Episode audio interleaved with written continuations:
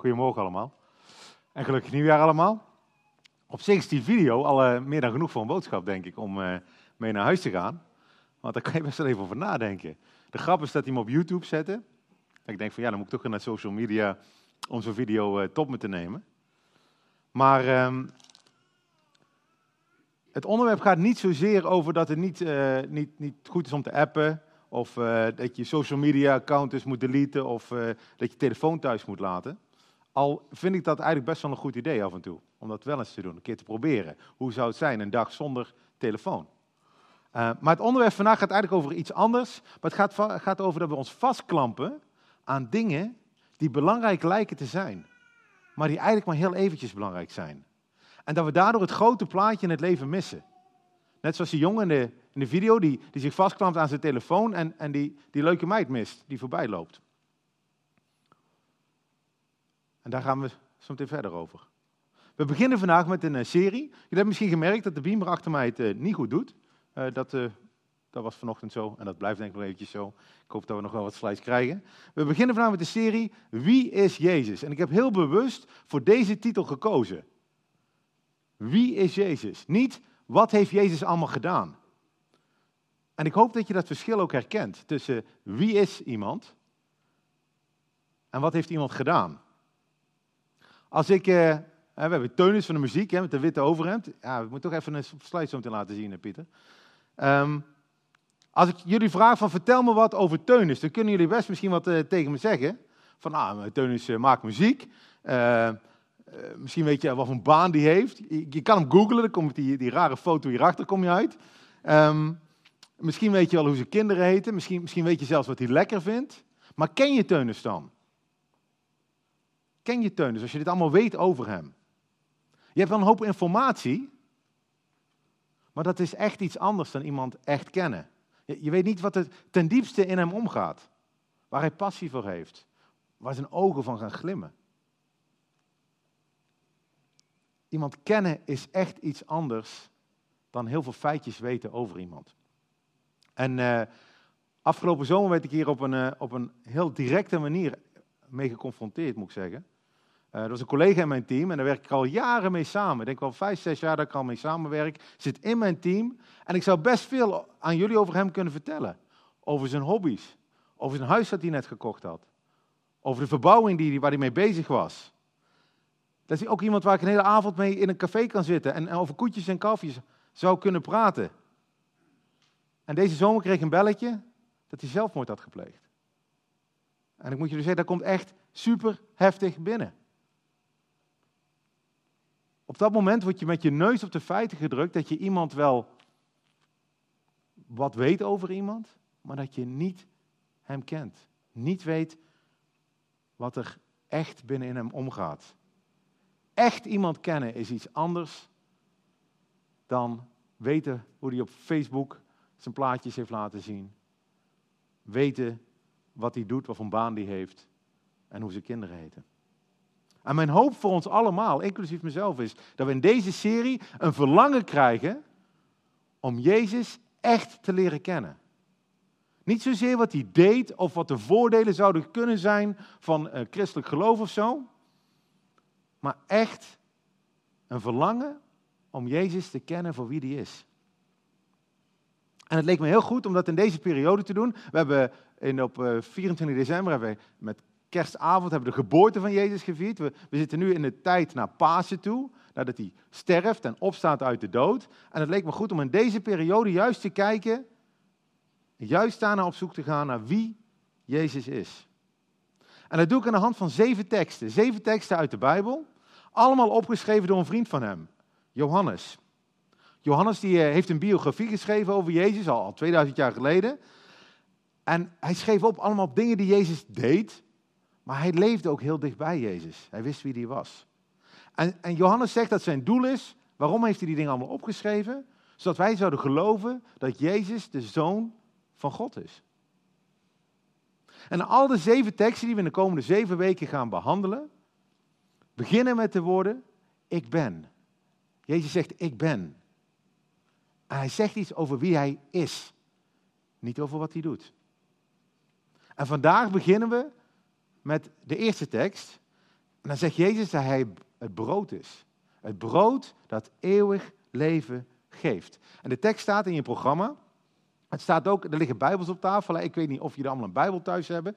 Die mag je gewoon meenemen. Kan je lekker thuis in bladeren. Ik sla vandaag ook een stukje over. Kan je straks uh, vanavond of, of de komende weken nog een keer doorlezen als je wil. Pagina 189 van de bijbels die hier op tafel liggen. En uh, dan gaan we gewoon beginnen in de tekst. Maar we hebben even wat achtergrondinformatie nodig. We hebben een klein beetje informatie nodig voordat we in die tekst kunnen duiken. We moeten nou begrijpen wat er gebeurt. Heeft iemand de film The Ten Commandments gezien? Met Charles Heston. Iemand? Ik ook niet. Oh, daar is er één. Ik ook niet. Dat is ver voor mijn tijd. Um, dat is een hele grappige film van de jaren 50, 60 denk ik misschien. Um, de uittocht van de Joden uit Egypte naar het beloofde land. Misschien hebben mensen hier wel een andere film gezien. The Prince of Egypt. Jaren 90, tekenfilm. Ja, die zijn er iets meer, hè? Zeg je? Dat is een Prince of Egypt nog, ja? Onze Pieter is nog steeds... Uh... Kan je nog doorklikken, Pieter? Ja, daar is hij. Charles Heston stond er net ook op. Waar Mozes het volk Israël door de Rode Zee leidt naar het beloofde land. En de zee gaat uit elkaar. Ik weet niet of je dat... Uh, ik, ik, ben ooit een keer in Universal Studios geweest in, in, in, Hollywood. En daar kon je met een autootje kon je door het water heen. Er ging er water aan de kant en dan, dan lieten ze zien hoe ze dat deden. Nou, geweldig. Ik hoop dat je dat verhaal een beetje kent. Maar het volk Israël komt dus uit Egypte, door die zee. En in Egypte waren ze slaaf. Komen ze in het beloofde land uit. Nee, komen ze in de woestijn uit. Op weg naar het beloofde land. De Sinaï-woestijn. En in die woestijn krijgen ze honger. Dat is niet raar natuurlijk. En krijgen ze dorst. En ze verlangen eigenlijk terug naar Egypte. Niet, niet, niet dat ze daar slaaf waren. Maar daar hadden ze lekker eten. Daar hadden ze vlees. Daar hadden ze, weet ik wat, groenten. En nu stonden ze in het midden van een woestijn zonder eten en ze klaagden. Maar s'avonds, iedere avond, vallen er vogeltjes uit de lucht. En kunnen ze eten. En, en s ochtends, in, in die woestijn, vinden ze een soort iets. Brood. In de woestijn. En ze noemen het manna. En manna betekent, wat is het? Want ze wisten niet wat het was. Het lag daar en ze konden ervan eten. God zorgde voor dat volk in, die woestijn. 40 jaar lang. Iedere dag hoefde je niet te vragen wat staat er op het menu vandaag. Want iedere dag was het manna s ochtends, vogeltjes s avonds.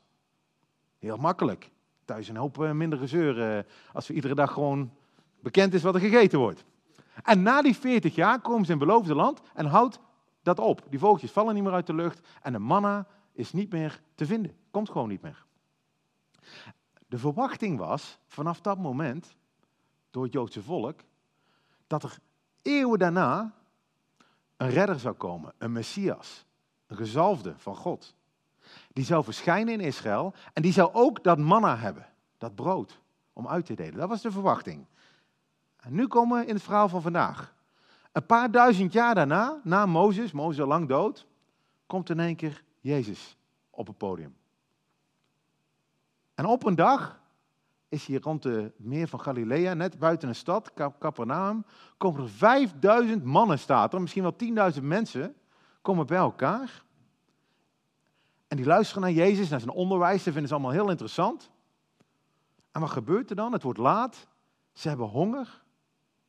En Jezus pakt vijf broden, twee vissen, breekt ze in stukjes, dankt ervoor en hij deelt het uit.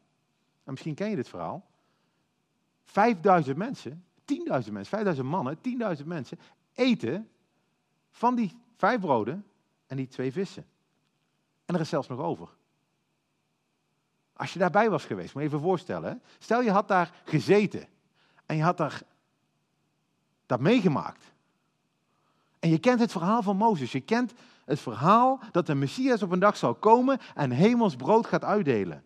En je ziet het gebeuren. 10.000 mensen krijgen eten van vijf broodjes en twee vissen. Wat zou jouw eerste vraag dan zijn?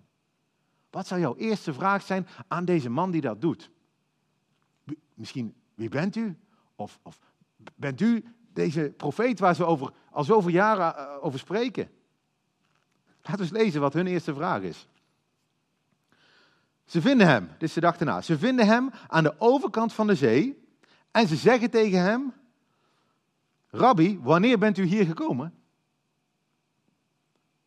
Wanneer bent u hier gekomen? Dat is een hele rare vraag. Wat verwacht je nou van antwoord? 8 uur 23 vanochtend. En wat moet je daar dan mee? Deze mensen zijn helemaal niet bezig met de belangrijkste vraag, namelijk wie is Jezus? Ze zijn bezig met triviale dingen. hey, hoe, eh, hoe bent u hier gekomen? Met de bus? Lekker weertje vandaag, een beetje fris. Daar zijn ze mee bezig. Maar Jezus spreekt daar dwars doorheen. Hij, zegt, hij antwoordde en zei, voorwaar, voorwaar. En dat zegt hij wel vaker als hij belangrijke dingen gaat zeggen. Ik zeg u, u zoekt mij niet omdat u tekenen hebt gezien, maar omdat u van de broden gegeten hebt en verzadigd bent. Hij zegt, jullie, jullie zijn helemaal niet geïnteresseerd in wie ik ben. Jullie hebben weer honger gekregen. Ik heb jullie gisteren een boterham gegeven en jullie willen vandaag weer een boterham voor mij. Omdat je denkt dat je dan genoeg bent. Je denkt dat je dan tevreden bent. Je denkt dat je dan gelukkig bent. Maar dat is helemaal niet zo. jullie maken je allemaal druk om je maag. Maar ik maak me veel meer zorgen om jullie hart. Dat zegt hij. Hij gaat verder. Hij zegt: Werk niet om het voedsel dat vergaat, maar om het voedsel dat blijft tot in het eeuwig leven. Dat de zoon des mensen u geven zal. Want hem heeft God de Vader verzegeld. Jezus trekt het verhaal een niveautje hoger. Hij zegt, jullie werken voor dingen die vergaan. Waarom eigenlijk? Waarom besteed je al je tijd aan dingen die morgen niks meer waard zijn? Waarom ben je bezig met over straat te lopen en allemaal te appen en allemaal belangrijk te doen en allemaal Snapchat-punten te verzamelen en allemaal duimpjes omhoog te krijgen met je filmpjes? Waarom ben je er allemaal tijd mee aan het verspillen? En je mist de belangrijke dingen om je heen. Wat er echt gebeurt. Dingen die je leven geven, zegt hij hier. Die eeuwig zijn. Voedsel dat blijft tot in het eeuwig leven. En Jezus zegt, dat kan ik jullie geven. Want God heeft mij dat toevertrouwd. Het mooie hier is als je nog wat dieper naar de tekst kijkt. En ik, ik, ik wil jullie niet te veel vermoeien of zelfs afschrikken met wat Griekse woorden, maar ik ga het toch lekker doen. Dit is een belangrijk punt, hè? In het Grieks zijn er drie woorden voor leven. Eentje ga ik niet behandelen, psyche. Eentje is bios, ken je misschien van biologie, heb je misschien op school gehad. Bios is het fysieke leven.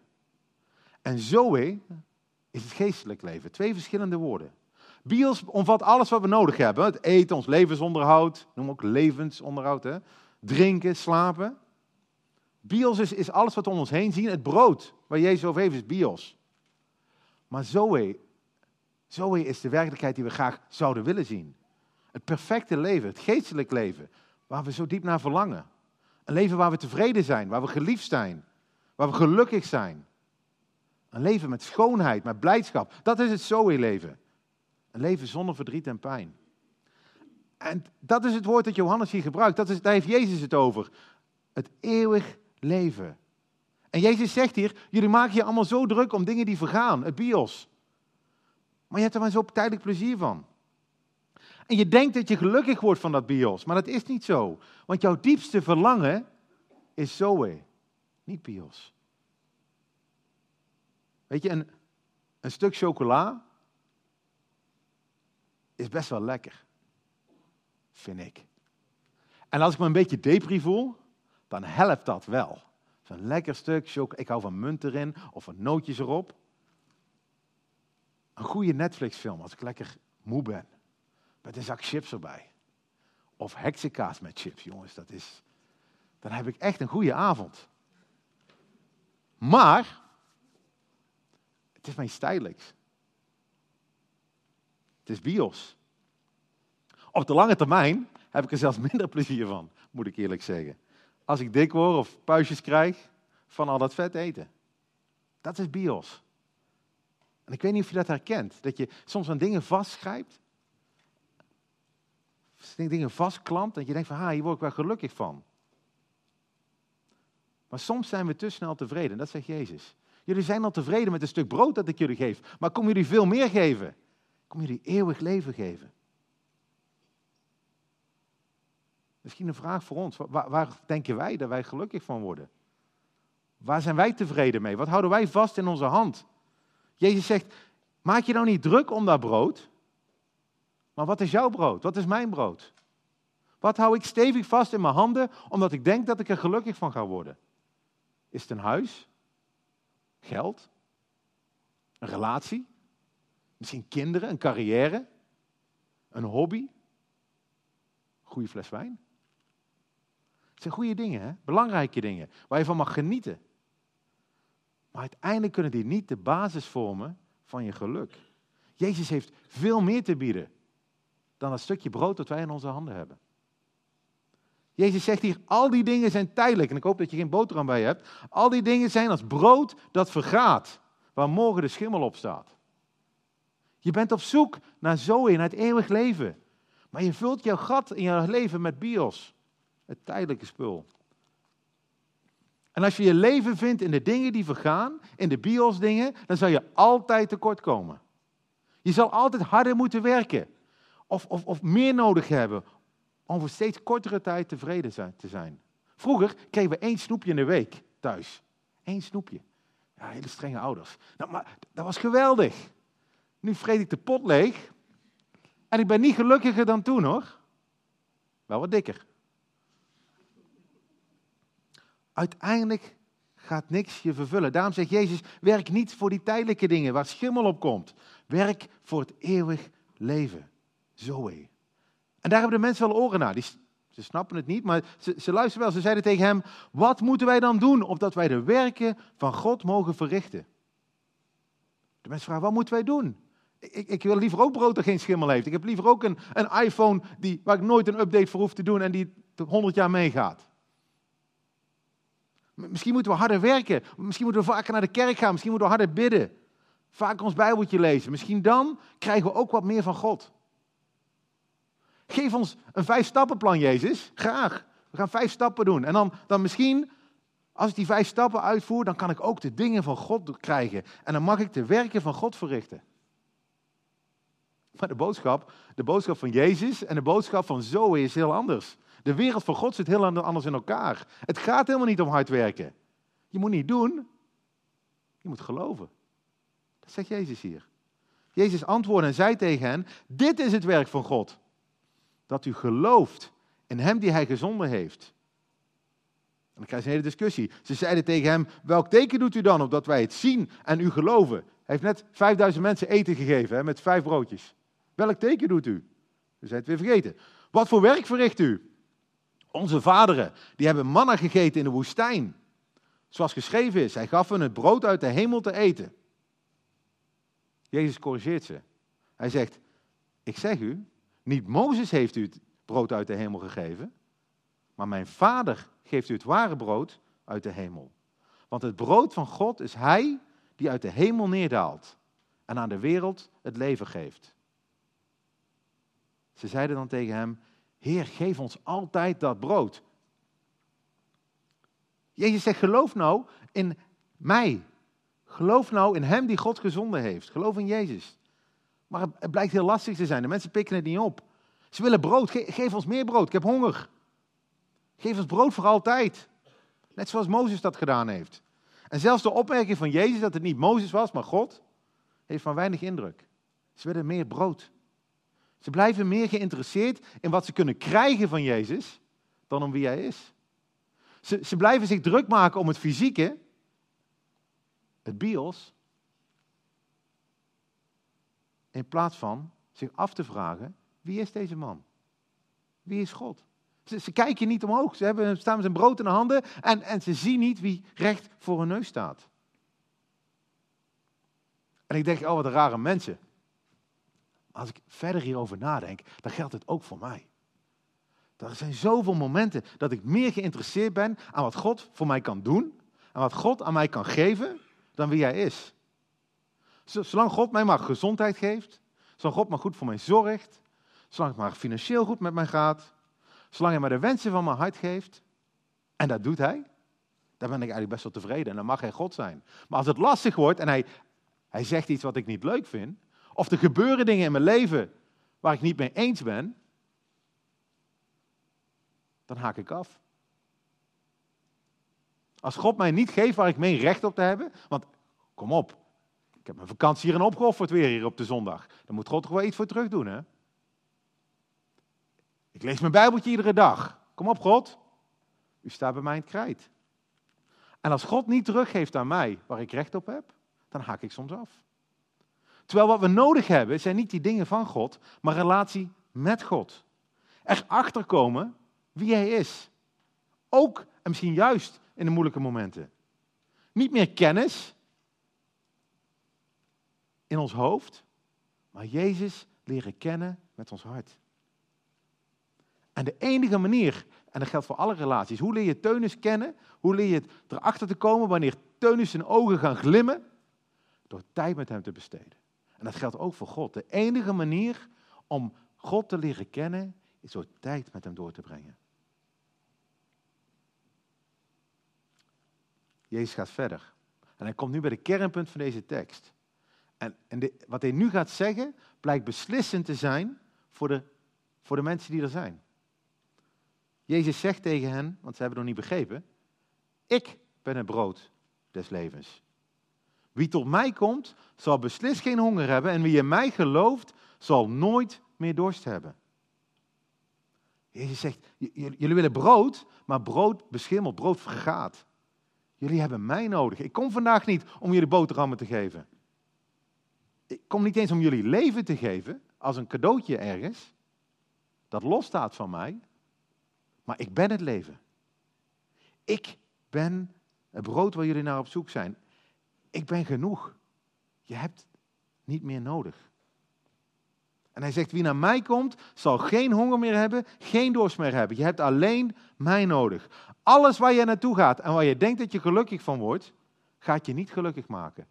Alleen ik kan dat. Als je naar mij toe komt, zal je beslist geen honger hebben. En dat is best wel een statement. Waar denk jij aan als je dit hoort trouwens? Als je hoort dat Jezus zegt, ik ben het brood. Je hebt niks anders nodig behalve mij. Dat klinkt redelijk exclusief.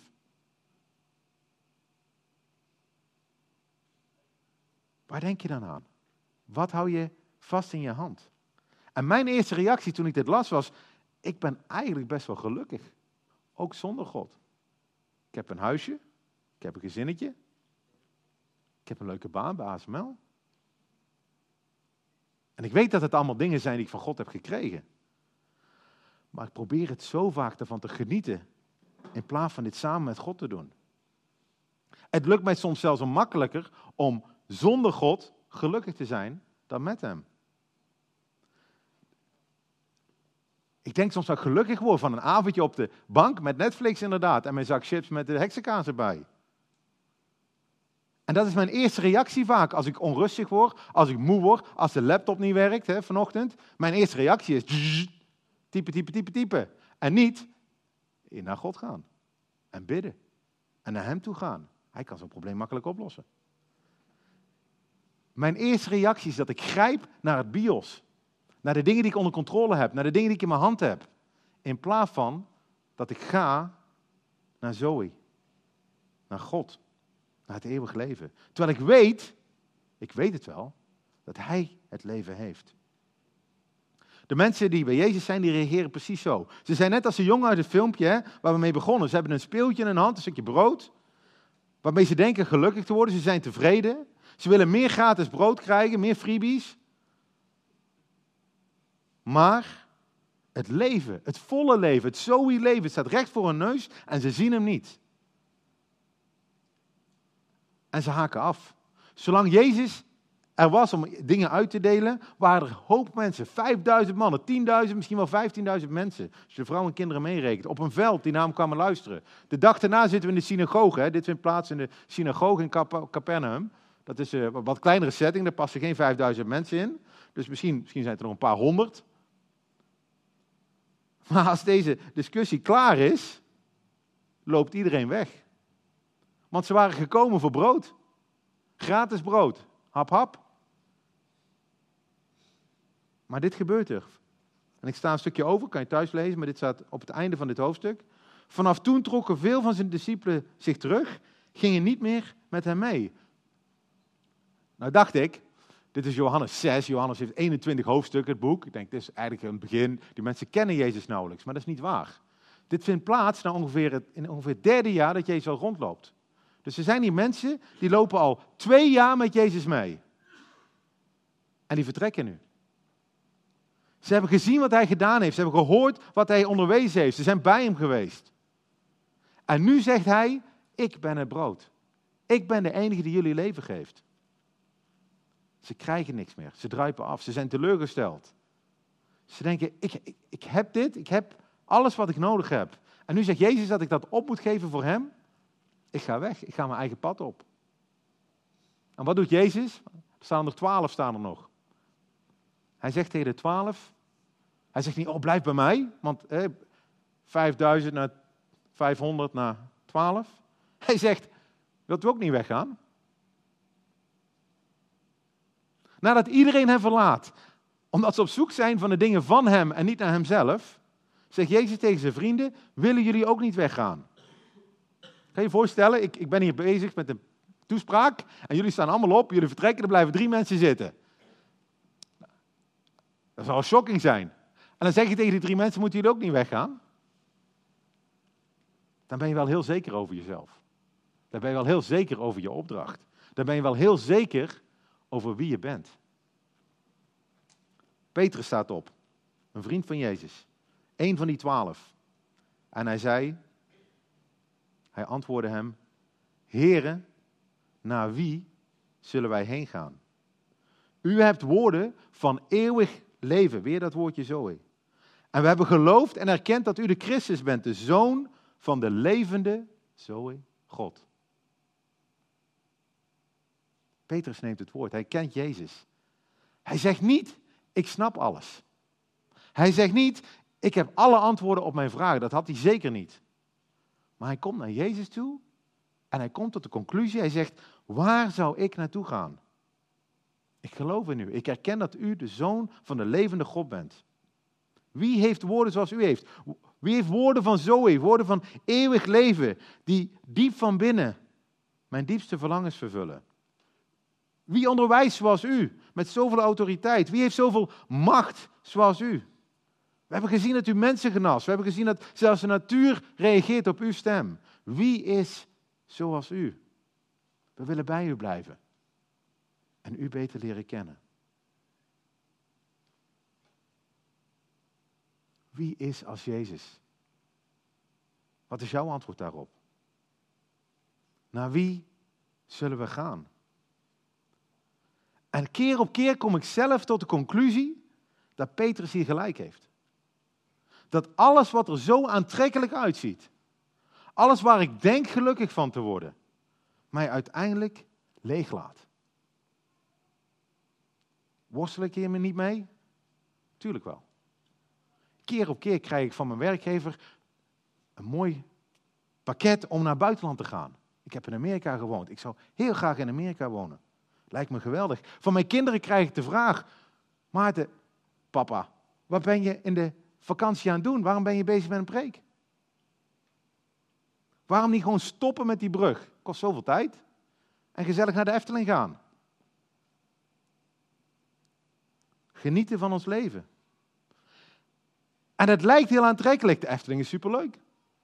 Wonen in Californië, Oregon, Wilton. Geweldig. Geweldige plekken op de wereld, lijkt me. Maar ik weet dat Jezus uiteindelijk de enige is die mij kan vervullen. Dat al die dingen die zo geweldig eruit zien, dat ik er uiteindelijk niet gelukkig van word. Al het andere brood wat mij aangeboden wordt, vergaat. Al het andere brood zal uiteindelijk zelfs mij laten breken. Maar Jezus breekt voor mij. Jezus vindt ons hier vanochtend. Stervend van de honger, maar met een maag vol met dingen die ons niet vervullen.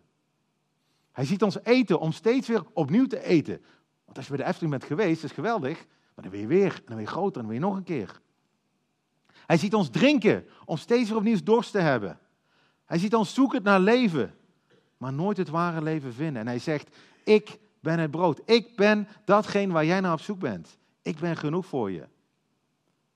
En dan gaat hij naar het kruis. En dan sterft hij. Hij breekt voor ons. In onze plaats. Door onze schuld. Daar komen we nog later in deze serie op terug. En dan staat hij op en hij overwint de dood. En garandeert ons een toekomst zonder lijden, zonder verdriet, zonder pijn. Wie kan dat voor jou? Naar wie anders zou jij gaan? Niks op deze wereld kan jou dat geven. Ik kan mijn leven gaan bouwen op mijn werk. Ik kan mijn leven gaan bouwen op mijn gezin, op mijn vrouw, op mijn kinderen, op mijn hobby, op mijn dromen. Maar uiteindelijk sta ik met lege handen. Net zoals die gast die naar zijn telefoon bleef kijken. Of ik kijk op. Ik kijk omhoog. Ik kijk naar Jezus die zegt dat hij het brood van het eeuwig leven is. En ik hoef nooit meer honger of dorst te hebben. Jezus is genoeg, zegt hij. Iedere dag. En er is geen leven, geen Zoe-leven zonder Hem. En mijn gebed voor jou en ook voor mij vandaag is dat we allemaal tot diezelfde conclusie komen als Petrus. Keer op keer weer. Dat we weten dat Jezus als enige ons hart vervult. En dat de rest geweldig is om van te genieten, maar niet om ons leven op te bouwen. Dat we diep in ons hart mogen uitroepen, Heer, ik wil U leren kennen. U in mijn leven. Want waar anders, waar anders zouden we naartoe gaan? Ik wil voor mezelf, maar ook voor jullie, met elkaar bidden. En ik ga het iets anders doen dan normaal. Normaal doe ik dat eventjes. Ik wil dat we even allemaal onze ogen sluiten. En dat we gaan bidden met open handen. En open, dat klinkt misschien heel raar, maar we houden allemaal dat brood vast. Houden we allemaal dat brood vast. En ik weet niet wat, wat jouw brood is. Misschien is het letterlijk brood. Misschien is je werk, je carrière, je vrouw, je kinderen, je gezin, je huis, je studie, je school. En ik wil het teruggeven aan God. En ik ga het voordoen. Uh, ik zal een paar dingen zeggen die, die voor mij gelden, als voorbeeld. Uh, maar ik zal afsluiten met iets wat voor ons allemaal, denk ik, geldt. En dan kunnen we met open handen teruggeven aan God. Heer God, ik wil u danken, Heer. Ik wil u danken voor alle dingen die u geeft. Voor alle dingen die ik heb in mijn leven. Heer, ik wil u danken voor, voor mijn relatie, Heer. En het is zo geweldig, Heer, dat, dat u mij een vrouw gegeven heeft. Die voor ons zorgt en, en, en de moeder van ons gezin is, Heer. Maar ze is niet het brood van het eeuwig leven. En met open handen, Heer, geef ik, daar waar ik me soms zo aan vastklamp, Heer, terug aan U zodat ze de juiste plek mag krijgen in mijn leven. Zodat ik ervan mag genieten. Heer, zonder dat mijn geluk afhankelijk wordt van haar. Heer, ik, ik eet graag. Ik drink graag. Heer, maar alles wat we eten en wat we drinken, wat we gebruiken, Heer, laat ons uiteindelijk heel leeg achter. Wel een volle maag. Heer, maar met open handen wil ik ook dat teruggeven aan u, Heer. U mag het hebben, Heer. Ik wil uw brood, het brood dat leven geeft. Heer, en ik geef toe, Heer, dat ik vaak mijn identiteit laat bepalen door de opinie van anderen, door de goedkeuring van anderen. Laat afhangen van, van de dingen die, die anderen over mij zeggen of denken. Maar ik heb geen duizend lege woorden nodig, Heer. Ik heb geen duizend meningen nodig. En met open handen, Heer, geef ik ook dat stukje brood terug aan u. Ik heb uw woorden nodig. Woorden van leven, van Zoe. Woorden die niet veranderen. En misschien, ik weet niet, Heer, wat, waar we hier allemaal mee zitten. Voor ons allemaal. Misschien is het iets anders, Heer. Maar we danken u, Heer, voor uw goedheid, voor uw genade. En we willen beleiden, Heer, dat u het leven bent. U en u alleen. Heer, er is niks anders waar we gelukkig van worden. Heer, ik wil niet doen alsof. Ik wil u volgen. Ik wil gevuld worden door u, door het brood des leven, iedere dag weer, Heer. En ik wil het, we willen het tijdelijke brood dat we zo vastpakken, Heer, uit onze handen teruggeven aan u. En we willen aan u vragen om onze handen te vullen met wie u bent. Laat ons zien dat het leven wordt gegeven door u en dat u het leven bent. Help ons daarbij, Heer.